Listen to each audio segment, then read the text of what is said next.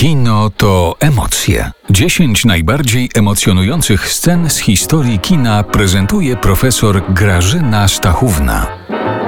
Gwiezdne Wojny, część piąta, Imperium kontratakuje. 1980 rok, reżyseria Irwin Kreshner. Oscary za efekty. Kiedy dzisiaj ogląda się Gwiezdne Wojny, ten właśnie piąty epizod, właściwie z pewnym rozczuleniem, ale też i podziwem. Oczywiście wiemy wszystko, co teraz się robi w serii o Avengerach, jakie niezwykłe możliwości ma kino, ale oglądałam ten piąty odcinek Gwiezdnych Wojen z sympatią. To ciągle robi wrażenie, ciągle jest sympatyczne. Oczywiście, no, takie trochę z myszką, ale mimo wszystko wrażenie pozostaje. Ja wybrałam scenę, która jest sceną charyzmatyczną dla miłośników oczywiście, do której ja chyba tak naprawdę nie należę. Miłośników Gwiezdnych Wojen, to znaczy te sekwencje, kiedy Luke Skywalker e, spotyka Darta Vadera, Lorda Darta Vadera, czarną postać, czarny charakter, najbardziej czarny szwarc charakter, jaki można sobie wyobrazić, który w dodatku opowiedział się kiedyś tam dawno po stronie ciemnej mocy. Nie każcie mi Państwo tłumaczyć, co to jest moc. Moc to jest moc, pisany przez M. I wszyscy wielbiciele tej sagi wiedzą, na czym to polega. Moc, która animuje wszystko na świecie, ale ma ona ciemną i jasną stronę. Otóż Lord Vader opowiedział się po ciemnej stronie mocy. Luke Skywalker i wszyscy pozostali bohaterowie po jasnej, dobrej stronie mocy. I oto bohaterowie krzyżują świetliste miecze i walczą.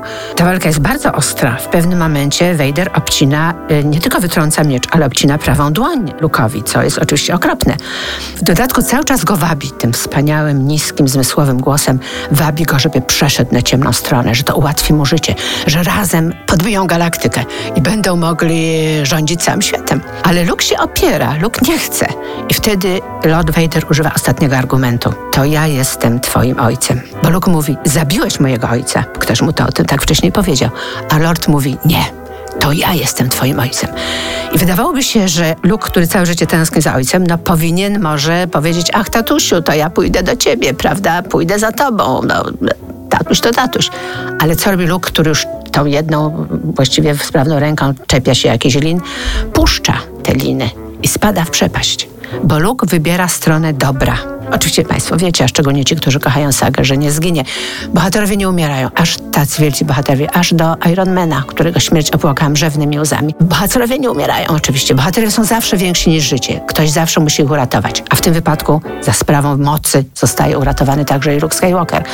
Ale dla nas pozostaje odpowiedź najważniejsza, że trzeba zawsze opowiadać się po stronie dobra. Brzmi to może banalnie, ale niestety jest nieśmiertelne.